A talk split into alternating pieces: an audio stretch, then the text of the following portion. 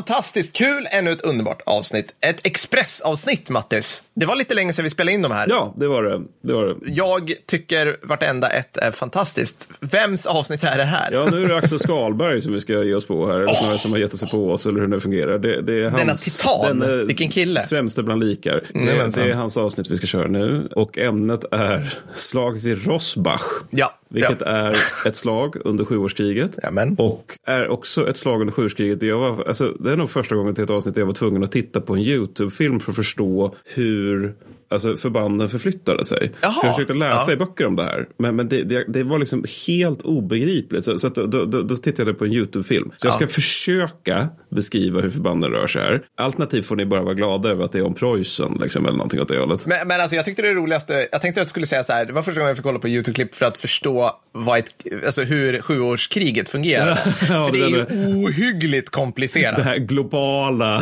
alltså, det, är, kriget. det, det, det är typ första världskriget. Jag har, tror jag har en flik om det på paddan som är så här sjuårskrig, seven years war, Mm. eller vad det kan heta. Som jag bara så här, den här ska jag läsa, du vet, som bara så här för skojs skull. Mm. Och bara, ja, nej jag orkar inte. Jag orkar liksom inte ens, alltså det är så. Det, det, är, det, men alltså, det är ju det första första världskriget. Ja, exakt. Alltså, exakt. För det är ju, utkämpas ju inte minst i Nordamerika men även i Indien och Ja, i Europa. ja. Och det, det jag tänker att man egentligen känner till lite grann om så om det finns en generellt kännedom om det här, det är väl just det som är i Europa. Alltså när preussarna slåss mot alla samtidigt Ja. med brittiskt understöd. Liksom. Ja, precis. Enda filmatiseringen som någonsin gjorts är typ Barry Lyndon, Ja, tror ja, jag. precis. Alltså, Som är ganska bra. Där får man ju Men- enormt bra insikt i hur allting fungerar. Det, det, är också, det finns ju en så jäkla bra sägning där. Det är, de har något så här, någon liten batalj som Gud glömde. Så, som det, det, det, de- som spiken säger lite lakoniskt. Att, och ingen kommer ihåg det. Eller det här är inget slag som hamnar i historieböckerna. Men Nej. det var nog så viktigt för de som utkämpade det. Och det, Ja. det tycker jag det är en bra poäng. Det är en bra men, poäng. men ja, nej, men absolut. Vi ska prata om, om det här då. och eh, då har vi då den stolta Axel Skalberg. Denne hjälte som vi tackar ohyggligt för att han är Ja. vår arbetsgivare på G2A-nivå. Han vill ge en shout-out till er, min absoluta favoritpodd. Ja. Kan inte börja söka bidrag till er podd så, ska jag ve- så jag vet i alla fall några av skattepengarna går till något vettigt. Ja, Även en fint. shout-out till Andreas och mina andra fältmarskalkar från bröllopet. Ja, vad härligt. Vad fint. Grattis till bröllopet då i Ja, efterhand. jag tror det var ett tag sedan, för vi, som sagt var det ett tag sedan vi spelade in eh, Expressavsnitt. Ja, nej, men stort tack Axel. Vi ska eh, absolut. Vad fan får man för pengarna? Frågar jag varje dag. Och det här. P1 är alltid jag har svar på ja, det. ja, ja, ja, visst, visst.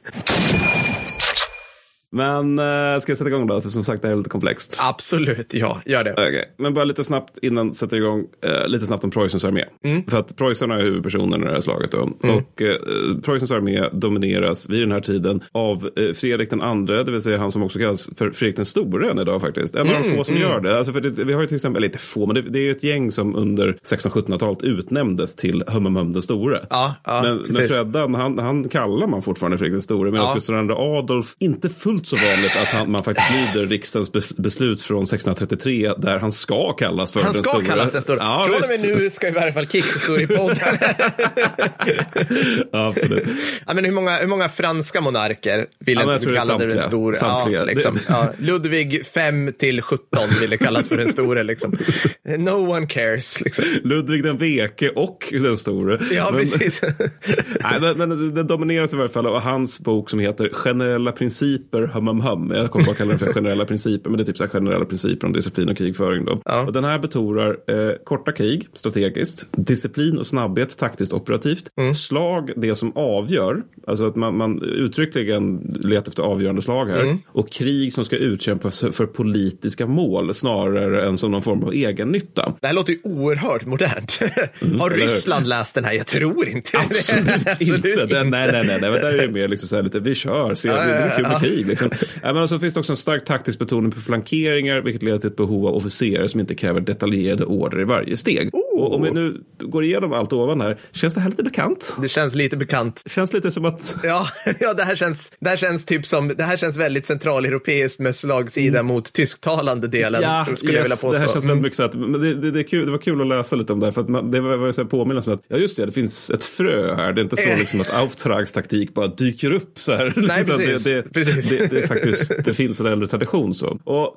samtidigt är det ju så att det, är, det här slaget utkämpas under mitten av 1700-talet, Mm. så den preussiska armén är liksom inte det här total war-skilda från andra arméer. Det, det, är det som är lite tråkigt med, med tidig modern tid, eller framförallt sen tid modern tid, det är att arméerna är ganska snarlika varandra. Det är inte det härliga som du har under jag menar, antiken och delar av medeltiden, där det verkligen är det här, liksom, jag menar, alltså, det är total war, det är liksom, du har Skaven och du har Bretonia och det är liksom helt olika kultursfärer trots att de är grannar. Typ så här, ja, precis, nej.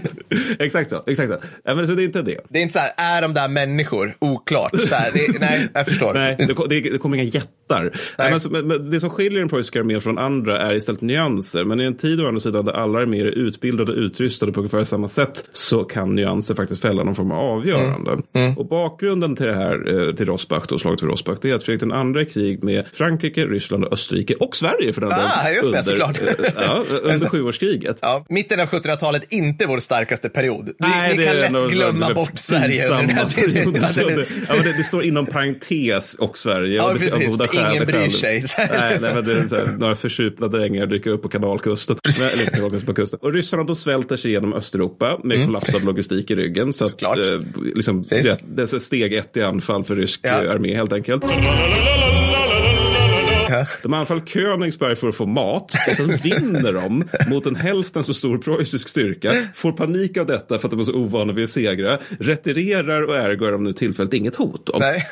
Fredrik II, han har också då, för det är lite jobbigt det här med att ha, vara Preussen som inte är svinstort och ha tre imperier mot sig mm. då. Så att han mm. har liksom försökt att få ut Frankrike ur kriget genom att, det här tycker jag om, muta Ludvig XVs älskarinna Madame le Pompadour. Men det hjälper inte, Trå tråkigt nog.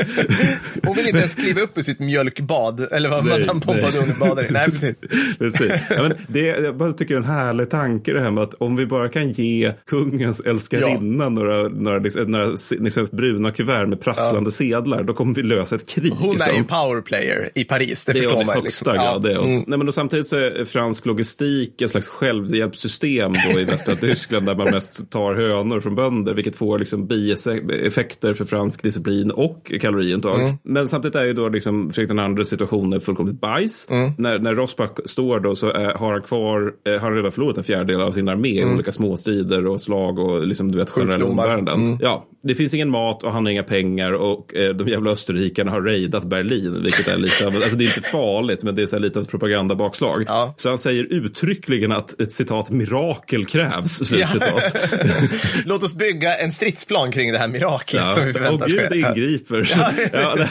men, men, eller en seger skulle vara, vara bra också. En seger på slagfältet som kan ge dem lite andrum. För det trycks mm. på liksom, att alla håller kalter. Och, och det vore ännu bättre om den här seger skulle kunna få de allierade att kollapsa. Det, mm. det, det, gör det inte. Men, men det här är liksom en förhoppning man har hela tiden. Att det, det, för mm. det, är en mm. ganska, det, är liksom, det är ingen så här järnhård allians mellan Ryssland, Österrike och Frankrike. Det, det är liksom så här lite mer alliance of convenience. Att, ja, vi kan väl slåss tillsammans. Ja. Men själva slaget då. Det är att eh, Österrikisk general ger Fredde då det han vill ha och bjuder upp till dans i Sachsen vid Rossbach den 5 november 1757. Mm, och mm. Eh, vi har pratat lite om preussarna. Nu så ska du få höra lite grann om deras motståndare. det här är ju alltså Fredrik den andres stora seger verkligen. Mm. Alltså hans mäster, alltså man har kallat det för hans mäster, vad ska man säga, hans liksom mästermålning när man jämför ja, med en ja. konstnär som målar med värjan och sådär. Oerhört fjantigt. Men, men, samtidigt så måste man också komma ihåg vilka är han vinner över. Ja, det här är en ganska vanlig grej. Man måste komma ihåg vilka är det man segrar över fransmännen, vi vet alla, ära, biceps, hjältemod. Jajamän. Men har beskrivits med, med orden citat, lakejer, kockar, frisörer, kurtisaner och skådespelare. Nattlinnen, hårnät, solglasögon, morgonrockar och papegojor. Slutcitat. Det här var då hur den franska armén såg ut. Eh, det vill säga, för varje två franska soldater så finns det en civil person med mycket oklara uppgifter. Ja, en dekadens. Väldigt mycket pre-Napoleon det här ska vi komma ja, ihåg. Alltså, ja. Jag älskar det här. Ja.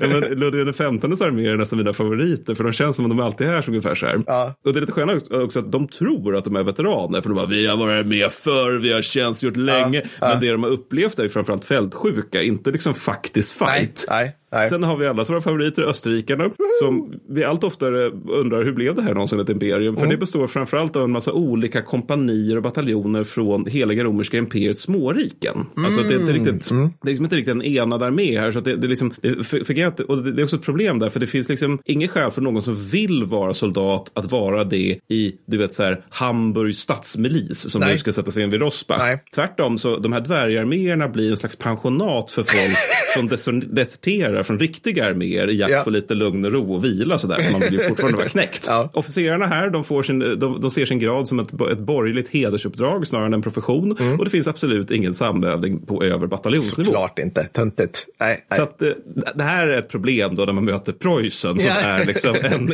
enhetsarmé och det det är som att Fredde dyker upp i Ros Rosbach med sitt absolut bästa infanteri. Då. Ja. Men de allierade är då tillsammans 41 000 man och Fredde har 22 000 man. Mm. Och det här är också en intressant grej. Att han, han är en av de som förespråkar vid den här tiden att man kan vinna över en numerärt överlägsen motståndare. Mm. För att för, är, på den här tiden så är arméerna så pass snarlika att det är en slags dogm att eh, liksom, det handlar till en väldigt stor del nästan bara om numerär. För att alltså, eftersom de är så lika varandra är det svårt att få en edge annat än via numerär. Så att, liksom, att det, det är liksom, möjligtvis moral också att liksom, om de andra börjar springa innan vi gör det. Men du fattar. Ja, ja. Men, men han menar att det ändå är möjligt att göra det då, vilket är lite unikt för honom.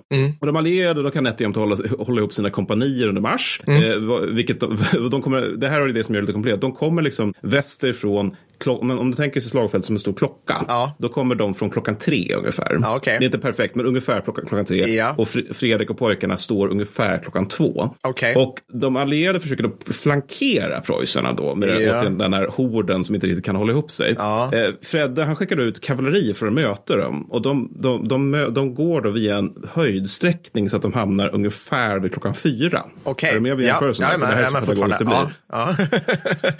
Underbart poddmaterial det här. Det här Ja, men så- alltså- ljud, ljudmediet passar jättebra. Jag, jag försökte se kartor över det här och Ja. det var också väldigt svårt för att det, liksom, det rör sig väldigt mycket hela tiden. Ja. Men, och österrikarna de tolkar det här med att de ser kavalleriet dra iväg då, inte som att de möter en flankering utan som att Preussen retirerar. Okej, ja. Så att de, de börjar anfalla med eget kavalleri då, Ja. som eh, besegras av preussiskt kavalleri här borta klockan fyra. Ja. Och det här kavalleriet drivs sen in i fransk kavalleri som försöker motanfalla och österrikiskt inf- infanteri som står och undrar vad händer? Ja, ja, som vi alla gör just nu. Ja, jag, liksom. det här ja. blir en slags militär tumbleweed där, liksom, där, där hela, hela den här liksom högen med folk som liksom har drivits in i varandra börjar liksom kana Flankera iväg. varandra på något vis. Ja, men alltså, liksom, de, börjar ja. liksom, de börjar kana iväg söderut så, och kvar står liksom framförallt de allie- det allierade infanteriet. Då. Ja. Mm. Och här dyker då just det preussiska infanteriet upp som snabb, och även de har just snabbmarscherat bakom de här höjderna. Då. Mm. Och de använder då sin andra linje för att dra ut sig till en, ett, liksom ett slags långt och upp och nervänt J.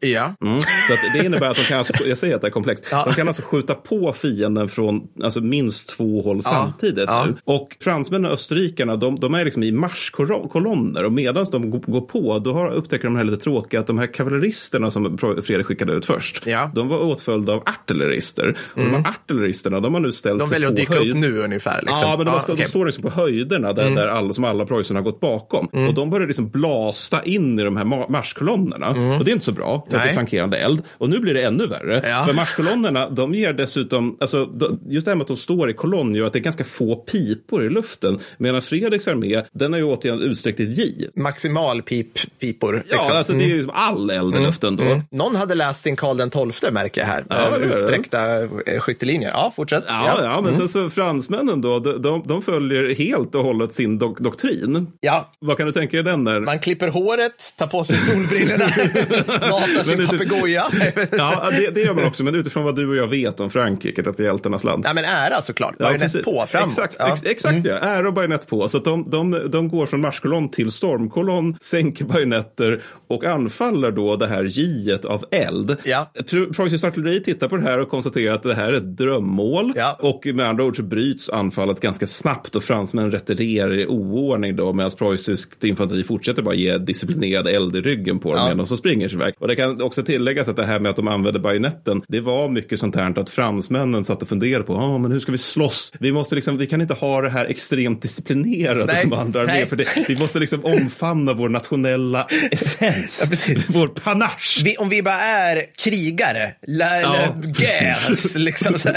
Ja, men lite så. Ja, men precis, så det blev, det liksom blev det, man man kan liksom inte tygla en fransman. Nej, nej, det och allt det där. Så att det blev så där då. Och det preussiska kavalleriet då, de är nu färdiga med fiendens kavalleri och istället för att göra, som är ganska vanligt än vid den här tiden, att liksom kavalleriet bara haha och fortsätter Mm. förfölja redan besegrat kavalleri, så gör de helt om och ger sig på den allierade flanken och ryggen. Så Mm. de kommer liksom, de kommer från klockan sex ungefär och själva det här J då som preussarna är fortfarande klockan fyra och tre. Mm. Och sen så i mitten av det här har vi då det som är kvar av den allierade armén. Och kolonnerna är nu angripna från tre håll samtidigt, varför en kollaps av naturliga skäl mm. följer. Mm. Förföljelsen genomförs då av preussisk kavalleri framförallt och avbryts på grund av mörker snarare än någonting annat. Mm. Följderna av det här Per? Mm. Berätta.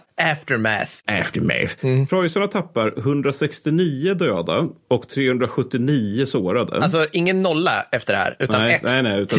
Alltså under 200 dödade under, och ja, under 200 sårade.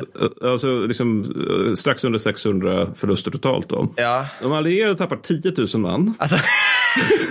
Inklusive 11 generaler som är krigsfångar. Men, men, men bara en, en reflektion här. Alltså, I en sån där stor armé som preussarna ändå hade, mm. då borde det varit så här, 169 pers. Det är typ antalet som drunknar i diken på vägen till slagfält. ja, alltså, det, det, är antalet som liksom dör i skörbjugg av, på kort rast. Ja, ja. Men alltså, alltså marschen det, det är, ju liksom, avsevärt farligare för preussarna. Det är ju svinn bara. Liksom, här, liksom.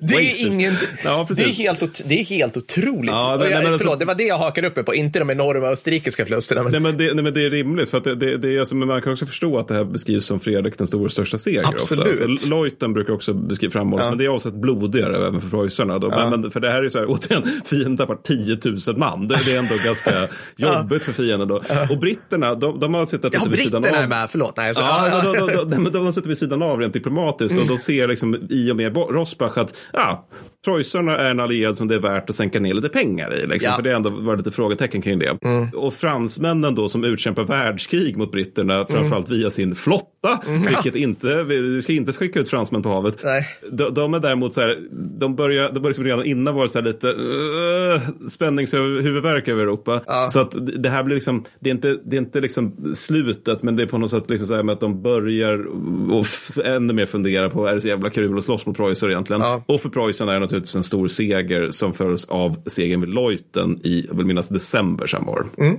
Så det är ett slag till Rosbach. Snyggt Mattis.